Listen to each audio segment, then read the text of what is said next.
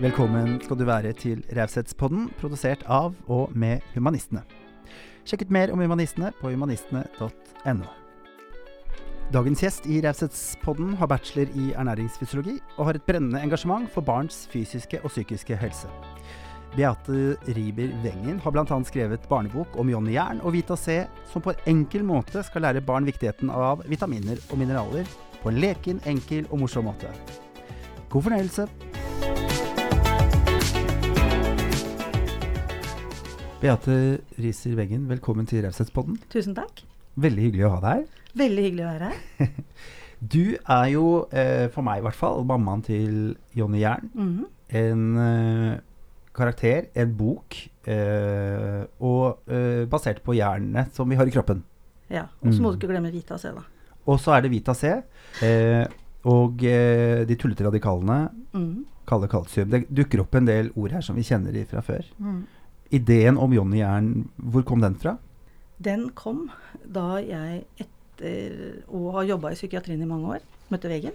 Så gjør jeg en lang historie kort. Jeg fikk mulighet til å ta en etterutdannelse. Og da valgte jeg å ta en bachelor i ernæringsfysiologi. Eh, og da, et, i det andre året, tror jeg, eh, så begynte jeg å se mer hva som mangla i det forebyggende helsearbeidet, særlig retta mot barn og unge. Og da begynte Johnny Jern og Vita seg Først kom Johnny Jern opp i hodet mitt, eh, nesten sånn litt sånn schizofrent, og så kom uh, Vita C. Og nå er vi her i dag, sju-åtte år etterpå.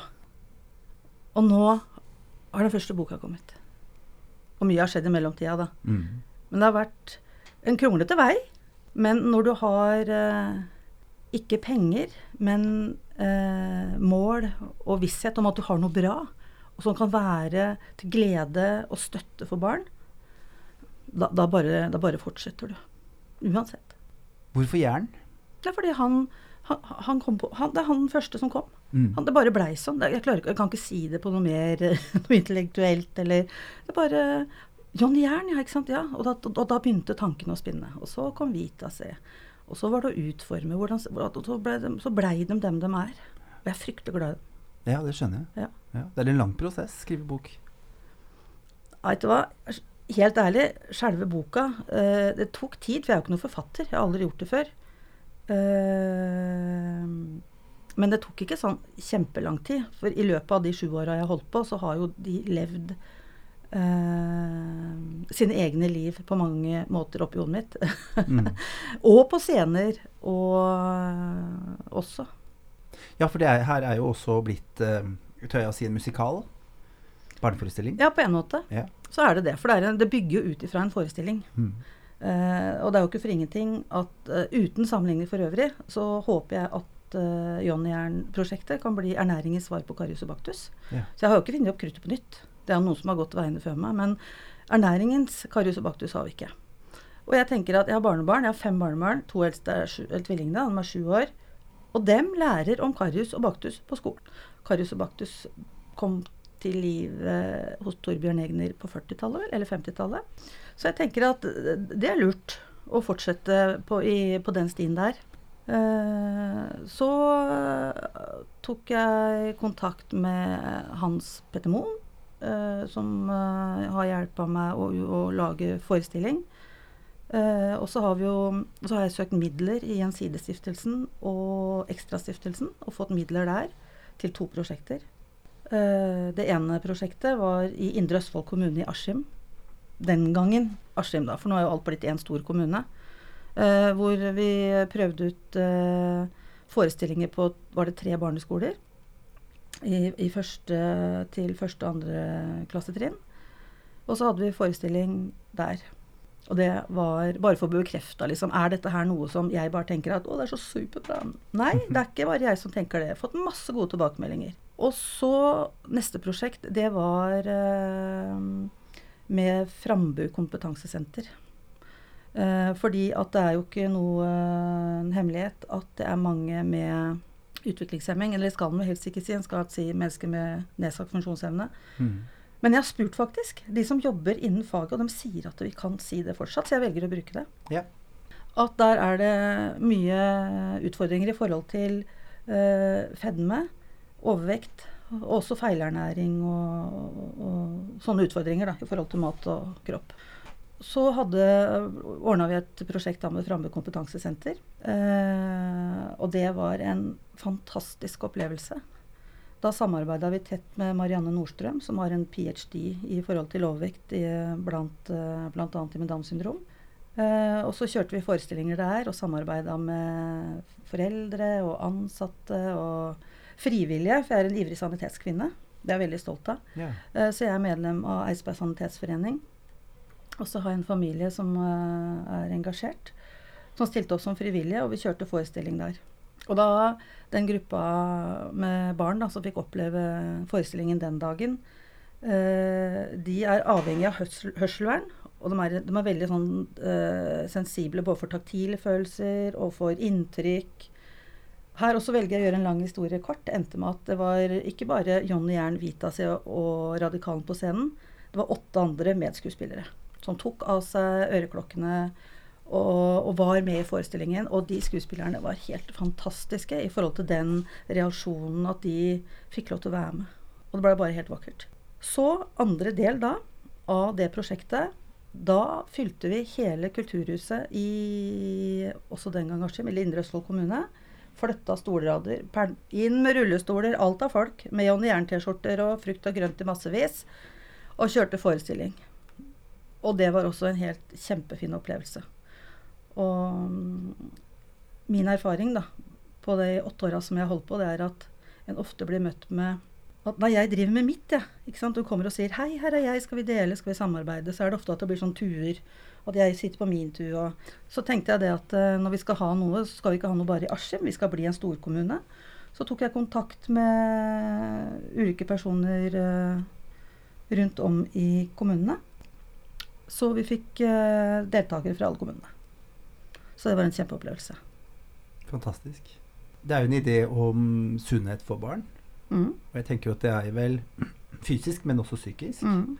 Hvor viktig er liksom ernæringen for uh, næring da, for barn? Alt henger jo sammen. Ja. Du nevner det jo der. Fysisk og psykisk. Mm. Og så er det det at unger nå, stakkars jo, Det er jo et sammensurium av ernærings... Selvutnevnte, da. Ernæringsspesialister og råd. Og så er det dessverre mange mødre som hopper på den kursen øh, og kutter ut store matvaregrupper, bl.a. Og det er klart, ungene arver og ser hva mamma og pappa gjør. Uh, så jeg skal lære unger, eller Jonny Jern, har som mål å lære at det å spise ting som gjør kroppen glad, er kjempelett. Mm. Og du behøver ikke å kalle det for trening eller fysisk aktivitet heller for å holde kroppen i form. Det er bevegelsesglede. Du kommer så langt ved å hoppe og sprette og spise vanlig mat som du får på Rema. For du trenger ikke sånn forskjellige salter og emmermel for å lage rundstykker. Altså. Du får alt du trenger på nærbutikken. Det syns jeg er viktig i forhold til barn. Og jeg syns også det er viktig i forhold til pedagogene og lærerne som skal lære unger om ernæring.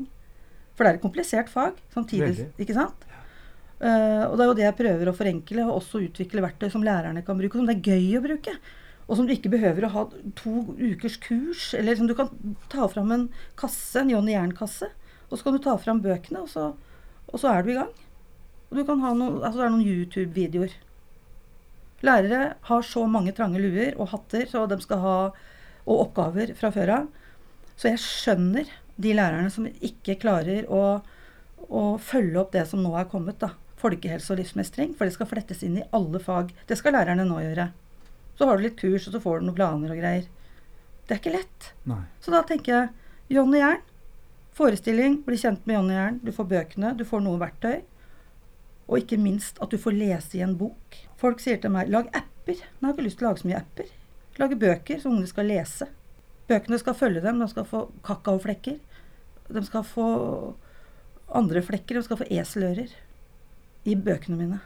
Men Føler du på en måte at det starter litt i andre enden? Jeg tenker jo er litt feil ende, da. Jeg tenker Hvis du skal få barna til å lære noe, mm. så bør de jo ha energi til å ta inn informasjon. Mm.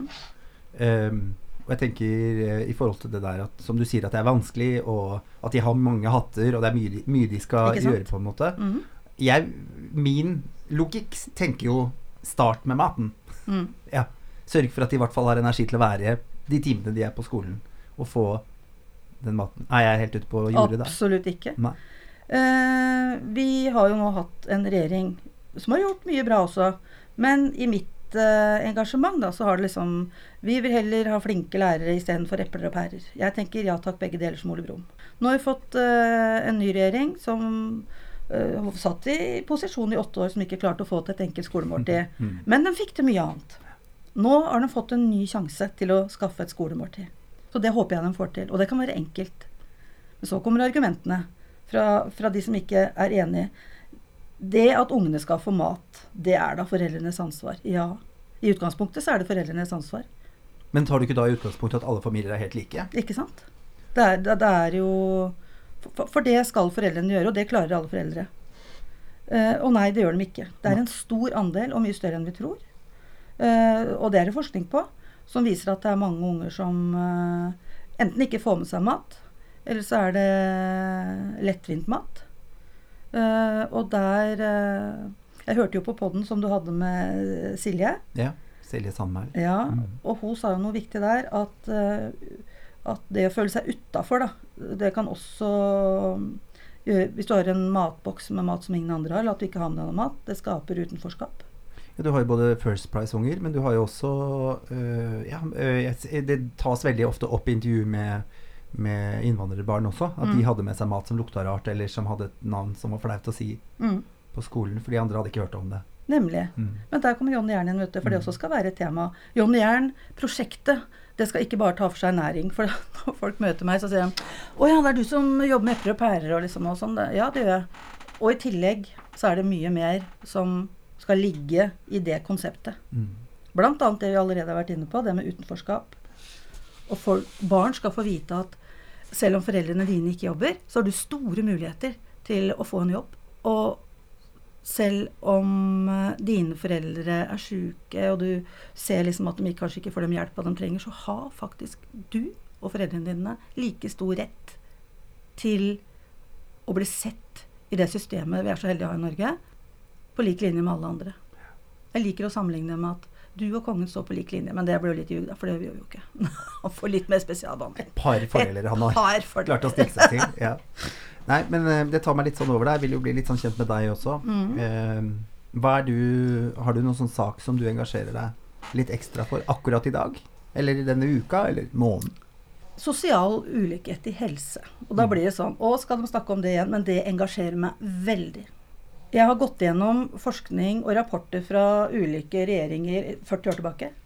Eh, Det, alle sier vi har jobba iherdig for å få ned gradienten i sosial ulikhet. Gradienten er jo der, ikke sant, at har du liten ut, eller kort utdannelse eller ingen utdannelse, vokser du opp i fattige familier og sånne ting, så mister du år, og du mist, det er så mye du mister som alle andre får, som vokser opp i en familie som er mer ressurssterke, da. Eh, så tenker jeg at på 40 år, 50 år, så har vi ikke klart å bikke den gradienten til noe positivt engang. Han går bare oppover. Mm. Det er rart. Da burde vi kanskje finne på noe nytt, tenker jeg. Og da tenker jeg at det med tidlig innsats Det er jo noe politikere ofte bare slenger ut av seg. Tidlig innsats, tidlig innsats. Jeg veit ikke om de alltid tenker ut hva, de, hva mener jeg med tidlig innsats. Kanskje en veldig fin setning. Veldig fin, for det klinger jo. Ja. Ikke sant? Stemmer litt. Ideen er god. Ideen er kjempegod. Ja. For meg så er tidlig innsats å begynne i barnehagen, og at de da f.eks. skal bli kjent Jeg nevner nå John gjerne igjen, i og med at det er det som jeg liksom er inni i. Å bli kjent med figurene via bøkene og den leikekassa med noen kokkehatter og ikke sant. Og så begynner vi med første klasse. Og da håper jeg at Den kulturelle skolesekken tar inn forestillingen, selvfølgelig. Eh, Så slipper vi det budsjettet, for jeg har ikke noe budsjett. Så alle som begynner i første klasse, får boka i den oransje skolesekken. Og så treffer de John Jern og Kalle Kalsium og, og Vita C, alle sammen virkeligheten. De fins, de eksisterer, noen kan ta på dem, de skal få lov til å sitte på fanget deres og klemme dem. Og så tenker jeg at øh, Så kommer år nummer to. Så skal de eh, i fagmål så skal de lære det og det. ikke sant? Og da hvis de bruker figurene, da, Johnny Jern og Vita C, så blir barna trygge på de figurene. Da er det figurene som formidler, og da blir de mer interessert, tenker jeg. Likeledes så tenker jeg å, dra det da over til f.eks. Eh, alle barn begynner i første klasse. Da skal du på eller andre klasse. Så skal du på helsestasjon.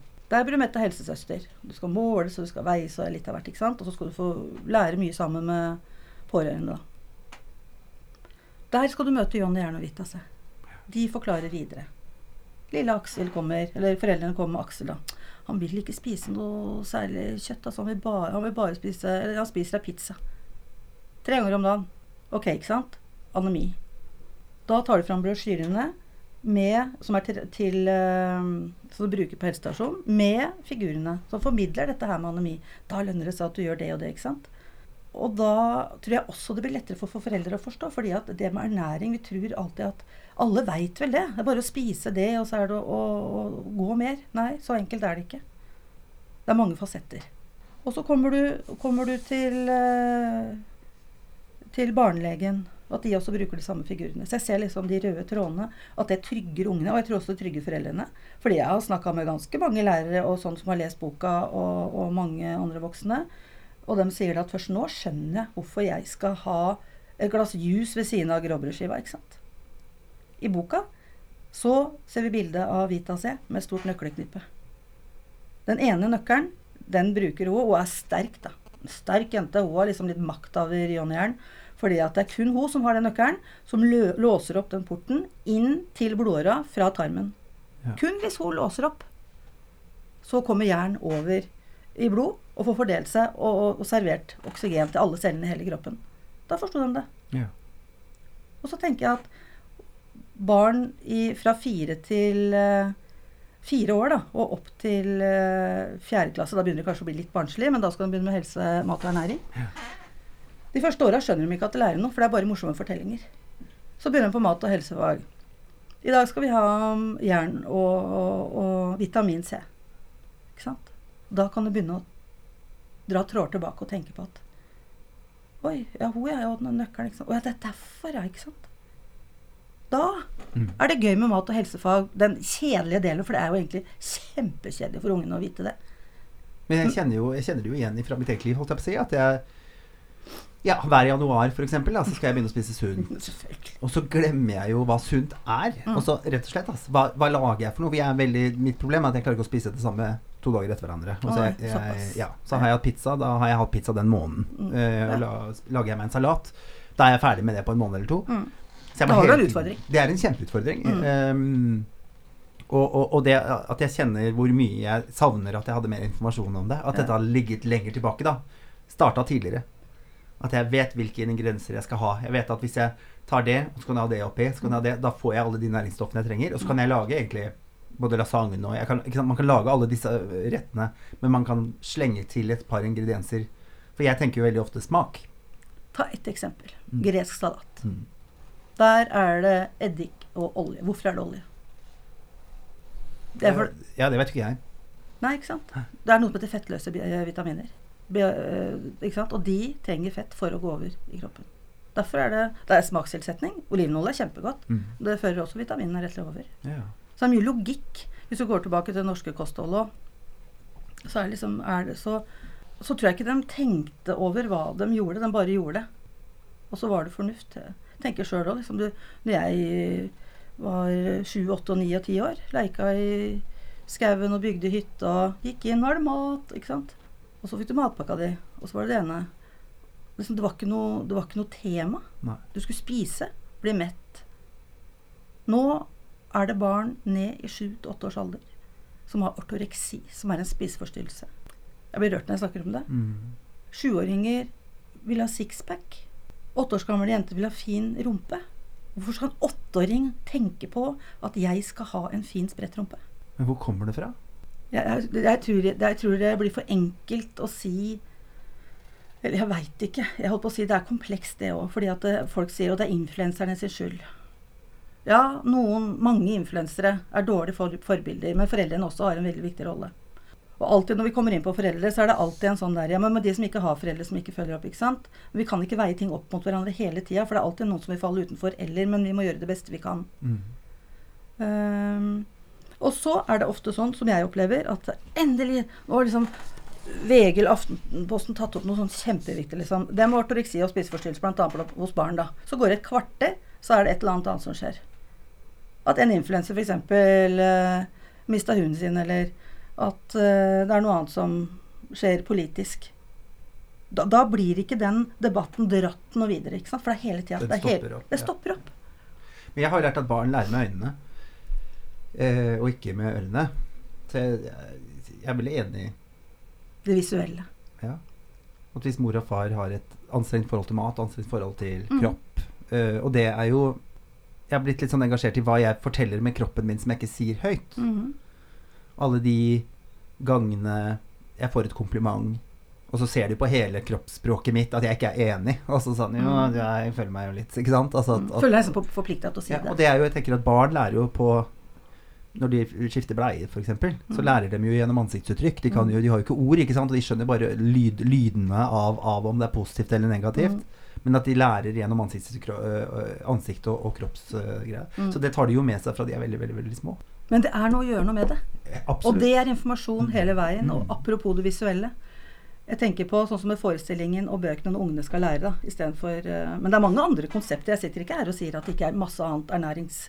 uh, eller, tilbud i skolen og sånne ting. Men det er, jeg har fått tilbakemeldinger på at uh, lærerne syns det er vanskelig å bruke. Og ungene blir ikke motivert. Nei. Og da tenker jeg at da er det for lite visuelt. ikke sant? Og så sitter de med appene og de sitter jo med bretta hele tida. Og da tenker jeg, og det har jeg tør- det har jeg begynt å tørre å si høyt Mm. de siste åra. Liksom at jo, for jeg veit jeg har noe bra.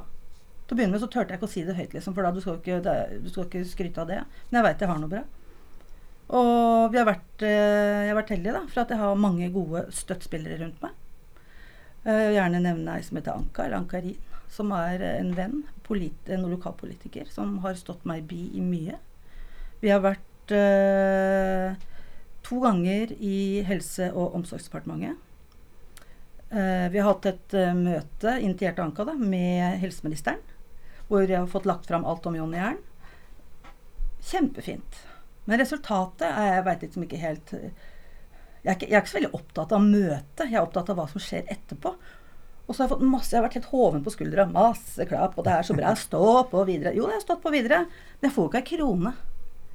Den ene gangen sa han hvis ikke det er masse nøkler, så liksom du skal nøkler her og nøkler der, så du kommer deg inn i alle porter. Jeg har ikke sett en nøkkel. Og liksom, jeg har stått på, altså. Jeg, har stått, jeg er vant til å stå med lua i hånda. Men det, så lenge liksom Det hjelper jo ikke meg nå at de sier at det er kjempebra. Det her vil, her vil barna få nytte av. Og så lenge de sitter der i sine kontorer og ikke Og så sa jeg det at men jeg har som mål å komme på statsbudsjettet. Om noen år liksom Ja, det får du se på, da. Bare stå på. Det blir ikke noe håndfast. Nei. Og derfor har veien vært litt kronglete. Fordi at eh, folk sier arbeidsgruppa di. Arbeidsgruppa ser du foran der nå. Det er meg. Ja. Det er arbeidsgruppa. Og så har jeg gode støttespillere, men de har jobb, de har sine familier, og det er ingen forpliktelse til meg. Men den tida de bruker, likeledes sånn som Sanitetskvinnene, så, så gir det meg sin tid. Men jeg kan aldri Jeg har ingen som er betalt. Jeg er ikke betalt sjøl heller, og det går veldig greit. For jeg føler ikke dette her som noe offer. Langt ifra. Føler det som en eh, gave. Takket være mannen min. Ja. uh, ja. De er kanskje mer glad i å si det enn å gjøre det rundt omkring. Også. ja, ikke sant? det er lettere å snakke enn å handle. Men du er også opptatt av um, mobbing. Veldig opptatt av mobbing. Utenforskap generelt. Hvor starta det engasjementet? Er det en personlig opplevelse, eller er det Personlige opplevelser òg, ja. Jeg er jo vokst opp i en lærerfamilie. mm. Og det å, å gå, være elev på samme skolen som foreldra dine er lærere, det må være ganske tøft. der ligger jo liksom eh, Det er litt i kortet allerede der. Men så uh, har jeg alltid følt meg annerledes. Jeg aldri, jeg har liksom aldri følt at jeg funnet plassen min. Jeg har liksom hoppa fra tue til tue og, og, og, og visst at jeg er sånn Du er ikke helt Du er, du er annerledes, du. En periode, jeg tror jeg bare var ni-ti år, og sånn, jeg trodde alle biler som kjørte forbi, liksom at alle som satt i bilene, snakka om meg. Liksom. Så det bare beviste at jeg nesten var gæren. ikke sant? Mm. Uh, så jeg har hatt, uh, hatt utfordringer. Eh, og i fjor så fikk jeg diagnostisert ADHD. Ja, stemmer. Og det eh, ga meg jo en forklaring på eh, hvorfor jeg har hatt det som jeg har hatt det. Jeg har falt mange ganger, men jeg er så heldig at jeg har en familie som tar meg imot. Og det er det ikke alle som har. Det er jeg. Og så ser en jo rundt seg, en har jo barn som har gått på skole, en har barnebarn som går på skole, at mobbing stadig er et gjentagende tema. Og mobbinga går jo ikke ned. Det blir økende. Sosial ulikhet i helse, fattigdom øker. Mobbing øker. Ikke sant? Er, vi må finne de nøklene som gjør at vi kan finne de bedre løsningene altså, på det, tenker jeg. Hvor skal man starte? Har du gjort deg noen tanker om det? Ja, tidlig innsats. Og jeg bruker det ikke som en frase. Nei. Jeg mener det sånn som Jeg tenker at når du, begynner, når du er i barnehagen, og allerede der har tematikken Mange barnehager er flinke. Eh, om utenforskap, om mobbing. Hvem leker du med? Har du noen å leke med? Eh, og også det med ernæring, da, som de er kjempeflinke til i mange barnehager. Og så kommer de videre eh, til eh, første klasse, og da er det mye av det arbeidet som ikke blir så intenst som det var i barnehagen. Og så har det mye med flaks og uflaks å gjøre. Det er jeg veldig engasjert i.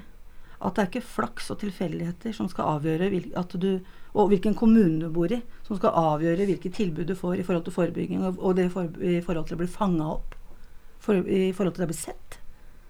Men det er jo sånn. Horten kommune, det er liksom noen jeg vil framsnakke.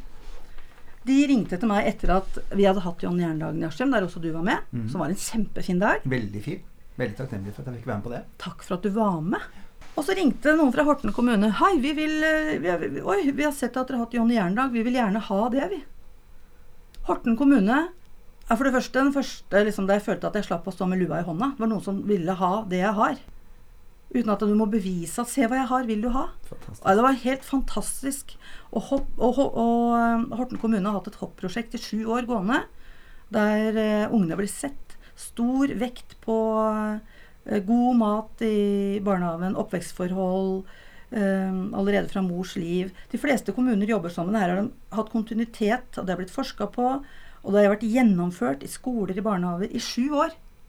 Alt det de gjør i Horten, er det regjeringer Eh, den sittende regjeringen nå har i sine planer. Så jeg sier se til Horten. Mm. Det fint. Så vi driver nå og, og um, snakker om, har dialog på, da, om en eventuell John Jerndag, og videre samarbeide. Spennende. Kjempespennende. Veldig spennende er det.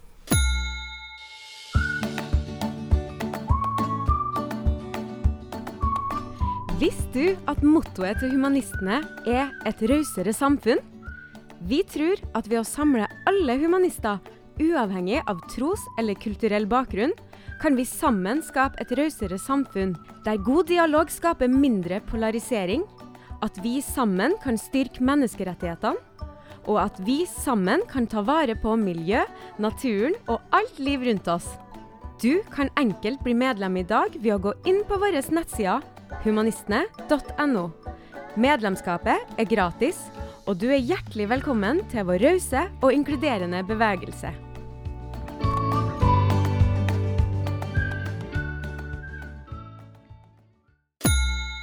Beate, mm. hva er uh, raushet for deg?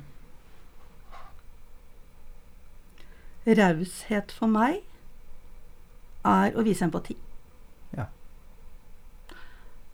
Er du god på empati, så tenker jeg at du også er god på å være raus. Hvordan blir man god på empati?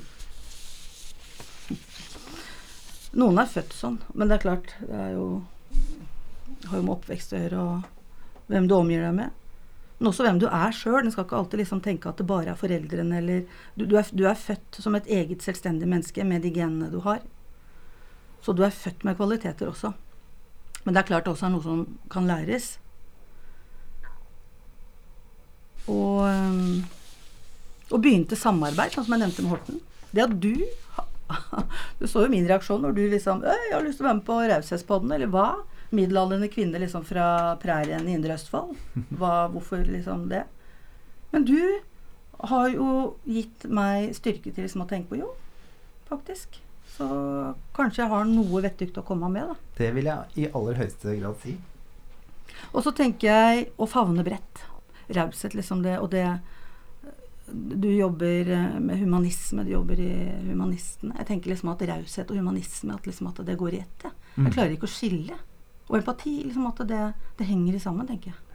I hvert fall ikke penger. Det er liksom ikke det første en tenker på. Klart det, du er raus, du gir penger. Men det er jo så mye annet mm. som er mye viktigere. Er du raus mot deg sjøl? Ja, det føler jeg at jeg er blitt. Ja. Jeg føler at øh, jeg er øh, så mye sammen med storfamilien min. Ungene mine, svigersønnene mine, barnebarna mine. Masse. Da føler jeg at jeg er raus mot meg sjøl. For det er der jeg liker å være. Det er der jeg får energi. Jeg er helt sånn dørsliten, det er der den drar, men liksom at du da føler du hvert fall du, får, du får energi. Du får masse energi av å være sammen med dem. Mm, så fint. Det er vel de glad for å regne med?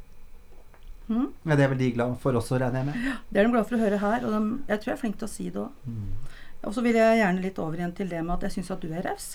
Fordi at du er den første liksom, offentlige personen som har at eh, det er verdt noe selv om en ikke er lege eller eh, influenser eller noe sånt. Eh, fordi at jeg har ikke tall på alle de mailene jeg har sendt til riksaviser, ulike TV-kanaler. eh, og influensere, da, men de gjerne har betalt, ikke sant, for å bli Ikke for at jeg skal bli sett, men, men det er jo nødvendigvis én ting jeg må Mm. gå i front. Men jeg vil gjerne da komme inn på noe som jeg brenner veldig for. Det syns jeg vi skal gjøre. Når vi først er inne på det med spalteplass, så brenner jeg veldig for at leger ikke konsekvent skal få tilgang til at alle til alle riksmedier, men ernæringsinformasjon og kostholdsråd i kraft av at de er leger. Enkelte leger som bevisst bruker sin legetittel, da, de skal ikke synse ernæringsråd i egne programmer på statskanalene. Og, lege, i, og da sier de at 'jeg er lege', hvis de sier at de er noe annet, eller ikke nevner ordet lege. Helt greit. Men det er tungt. Det er tyngde i ordet lege. Da, da retter du deg ryggen, og så får du litt respekt. Og leger som uttaler seg offentlig i form av lege, skal forholde seg til forskning og ikke personlige erfaringer. Og leger som synser og er overkommersielle, skal heller ikke inn på offentlige arenaer. Og leger som synser, skal heller ikke få skremme barn med at sukker er gift, og at du må bruke emmermel og Himalaya-salt for å kunne smelle sammen rundstykker. For leger de skal forebygge helseangst. De skal ikke skape helseangst. Jeg nevner ikke navn, men øh, jeg syns det er ofte. Og da tenker jeg at, øh, dem- at mediene, riksmediene, må bli flinkere til å se. Jeg, jeg genererer ikke noe klikk. Ikke sant? For det, jeg har, det er en løsning på et problem. Det, øh, sju ganger i uka så står det om Per øh, trener sju ganger i uka. Slutta å spise sant, for en spiseforstyrrelse. Sånne historier florerer da. Det skaper klikk, for det er noe forferdelig. Det liker vi å lese om. Men jeg har en løsning. Og som, sagt, jeg er fra prærien i Indre Østfold. Det er jo ikke noe spennende, det. Men hvis, hadde fått, hvis jeg hadde fått spalteplass, folk hadde blitt kjent med det. Folk hadde liksom fått sett, kanskje kommet på et eller annet program, sett litt av forestillingene. ikke sant? Og lærere, ikke minst, hadde sett Oi, her er det noe lettvint. Her har vi en eske og noe, noe filmer på YouTube og noen bøker som vi kan dra fram, istedenfor å sette oss inn i og gjøre noe sånn kjempevanskelig når vi skal dra disse faga inn i folkehelse og livsmestring. Men jeg får jo ikke mulighetene. Så du, Tore, kanskje fra i dag at noen hører liksom dette her, blir litt nysgjerrig, da. Det her vil vi høre mer om. Jeg håper det. Jeg håper, Jeg håper jo det. Ikke sant? Og jeg er jo ja, øh, Jeg sier jo det hver eneste program, egentlig, øh, til det kjedsommelige. Men jeg syns det er veldig viktig, da, for jeg tar jo med mennesker jeg syns er rause. Eh, jeg syns alle som bruker av sin tid for å skape svar, for å skape nye måter å være i verden på, Mhm. være mønsterbrytere i forhold til hvordan vi alltid har gjort ting. For det er jo veldig trygt, noe sånn veldig konformt, med å bare fortsette den samme mm. som er der. Men det er som du sier, da, det har ikke vært noe forskjell på 40 år på hvordan løsningen har blitt i forhold til uh, Går i samme sporet. ja, verken mobbing og, og mat og ja, måten man lærer bort på. Og, mm. Jeg tenker jo i forhold til det du sier også med ADHD Jeg er jo liksom Jeg er sånn bekymret for at at vi voksne liker barn best når de er som voksne. Altså Mm. veloppdragne barn som sitter stille på stolen sin og som snakker som en 70 år gammel tante. De er vi veldig glad i, og de blir veldig forherliget. Og, eh, har, ikke sant? Vi ser dem i, i karakterer i bøker, vi ser dem i karakterer i film. Mm. Også at vi har mindre på en måte toleranse for for, uh, for barn som er som barn. Da. Mhm. Og jeg tenker det er litt sånn Det er trist. veldig trist. Og veldig sånn i de tingene du snakker om her. De derre La barn være barn. La de få lov å lære gjennom å ha det gøy. Gjennom lek. For det er det jeg opplever at Johnny Jern er. Det er jo en leik. Mhm. Ja. Og det er bevegelsesglede. Mm. Uh, sånn som det er, jeg tror til og med jeg var jeg si, seks, sju, åtte, ni, ti, jeg tror jeg gikk i sjette klasse. Da drev jeg og bygga hytter liksom inne i skauen. I en sjetteklassing nå, Mm. der har du allerede liksom en grunnmur som, uh, med meninger, bl.a. om kosthold, vekt, masse sånne ting. Liksom, og du er minivoksen. Der også tenker jeg det med uh, å få inn f.eks. Jonny Jern fra tidlig alder. da at å gi alle unger den samme helsefremmende allmenndannelsen helt, helt grunnleggende. Mm. Det får du ikke hjemme. Det får du i skolen. Nei, i hvert fall ikke når skolen på en måte ikke har gjort dette på 40 år. Så vil det jo si at ingen av vi som er foreldre i dag, har jo lært dette heller. Så det ligger jo ikke naturlig for foreldrene å kunne kjempemasse om det, tenker jeg. Nei, men det er klart at mye er blitt prøvd. Ja. Og mye er blitt gjort. Og helsemyndighetene kommer stadig med kampanjer, ikke sant. Eh, og blant annet at det er retusjering på bildene liksom, som er retta mot kanskje meg, da. Og, og kvinner som er yngre enn meg. Men jeg føler, at, jeg føler ikke at vi er en tapt generasjon, men jeg føler at vi, vi er eh, Det er lettere å begynne tidligere å lære barn fra de er seks-sju år. Å lære ungene at kroppen din er fin uansett. Og Tenk på alt det gode den gjør for deg, istedenfor åssen han ser ut. Mm. Men selvfølgelig, da vil andre si ja, men hva med fedmeproblematikken? Jo, vi har den òg, men det skal ikke være noe tema. Og det er i hvert fall ikke Jonny Jern. Ikke et tema, men det kan bli en, en øh, øh, et endepunkt da, i at vi kanskje kan få unger til å inspireres Mm. til å ta bedre valg. Ikke for at de skal bli tynnere, men det hadde ikke gjort noe skade, det heller. Men at de inspireres og ikke skremmes til å ta gode valg. At de velger det sjøl. De som kan få mulighet til å velge. De som er så heldige, da. Nå mener jeg ikke å snakke ned foreldrene der også. Jeg bare tenker Nei, jeg skjønner det. Siden skolene på en måte har vært litt dårlige på dette opp igjennom, Ja, ikke sant? så er det vanskelig at de skal lære dette hjemme. At det er, at det er et viktig ansvar for skolen å ta, da. Mm, absolutt. Jeg tenker jo, For meg så er jo du et forbilde. For meg er du det. Tusen. Og jeg syns du har et uh, Jeg har jo aldri hatt et negativt ord, forhold til ordet rivjern. Eh, men det lærte jeg på et eller annet tidspunkt at det var ikke så hyggelig å kalle noen. Men jeg, for, meg har det Jeg alltid elsker ordet rivjern. Veldig. Og jeg kvinnfolk. Johnny Jern, og du er et rivjern. Det var der det kunne ja. Eh, Men hvem er ditt forbilde? Du har jo, det er jo en grunn til at du har dette engasjementet, og at du har lært på et eller annet tidspunkt at du har en Stemmen din har muligheten til å gjøre en forskjell. Da.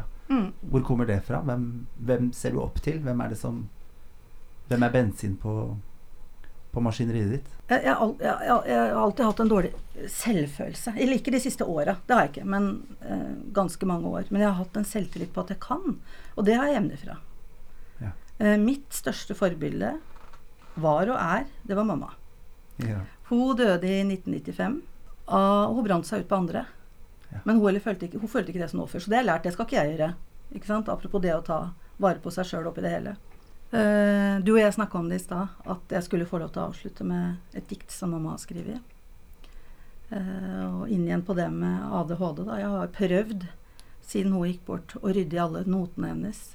Alle, eh, hun var jo politisk engasjert. I alle lappene hun har gjemt etter oss ungene. ikke sant? Alle dikta hun har skrevet. Nå har jeg klart det, for nå har jeg fått de verktøya og medisinen som gjør at jeg kan klare å gå gjennom det.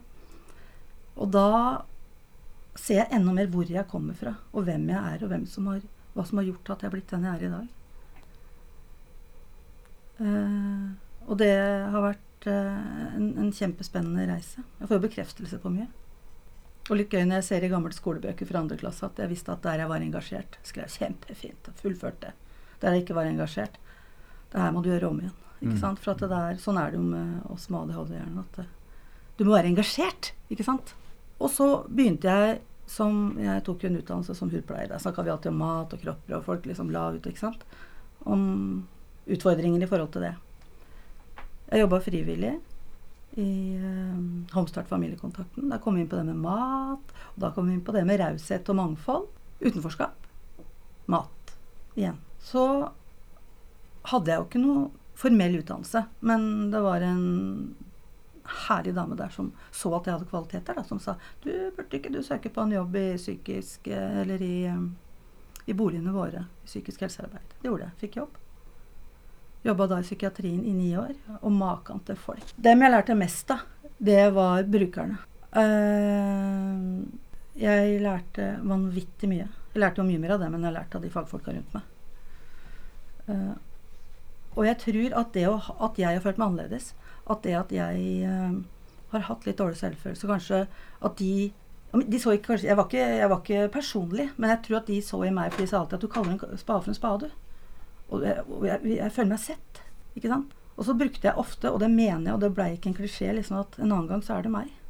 Da er det du som kan sitte der og si akkurat det samme til meg. Og jeg tror jeg klarte å si det troverdig. Det førte meg igjen over til å jobbe i noe som heter psykisk helseteam. Der skal du helst ha treårig utdannelse. Men jeg sa ja, for at de trenger ikke et engasjement der. Da. da fikk jeg liksom en bunke med 15 pasienter. Da skal du gjøre det, og så skal du gjøre det, og så skal du lage sånne oppgaver og sånn. Aldri vært borti det før. Og jeg er jo litt sånn snill pike, da. Så jeg hadde liksom sju pasienter hver dag og skulle lære meg alt av dataprogrammer og sånne ting. Da holdt jeg et halvt år uh, før det smalt. Uh, og det var da jeg tok etterutdannelse, da. Så apropos det med psykisk helsearbeid, og eldstedattera mi, eller begge jentene hadde meg blitt sykepleiere. Og en jobber innenfor psykisk helsearbeid og rus.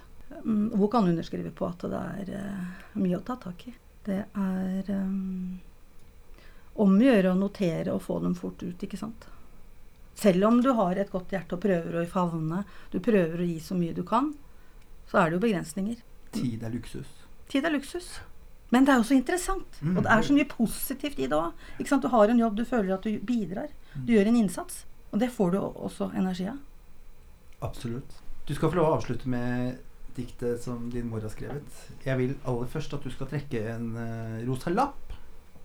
Det er jo tradisjon her i Raushetsbånden. Og på den står det jo da ord som humanistene jobber ut etter. Verdiord, da. Så ja. du kan bare trekke en, og så vil jeg at du bare skal si det første som faller ned i hodet ditt. Mm.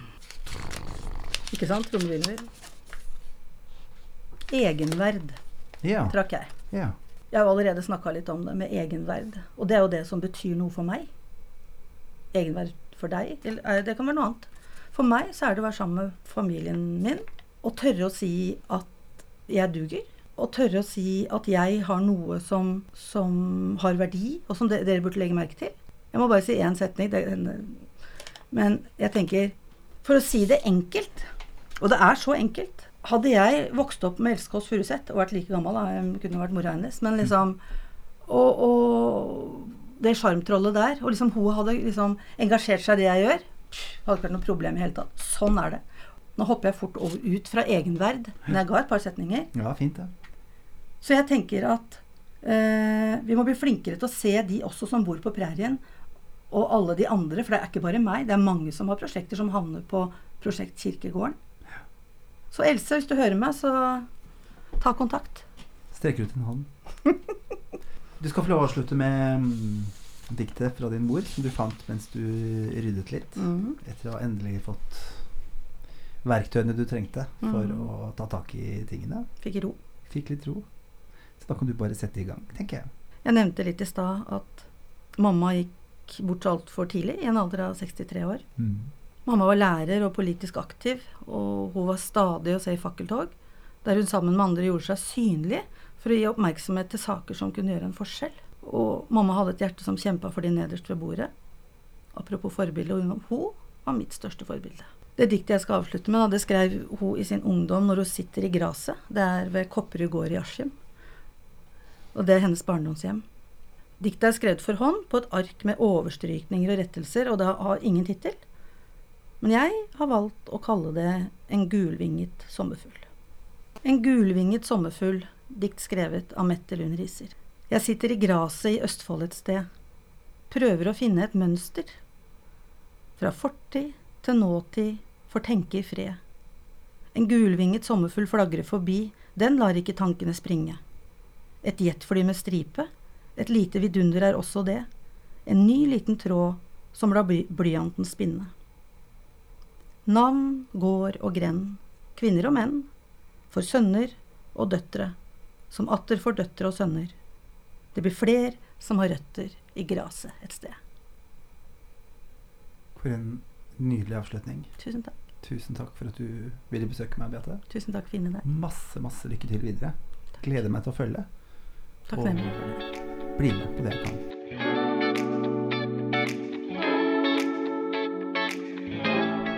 Du har hørt på Raushetspodden, en podkast produsert av og med Humanistene. Hvis du vil vite mer om Humanistene, gå inn på humanistene.no. Da gjenstår det bare for meg å si god helg!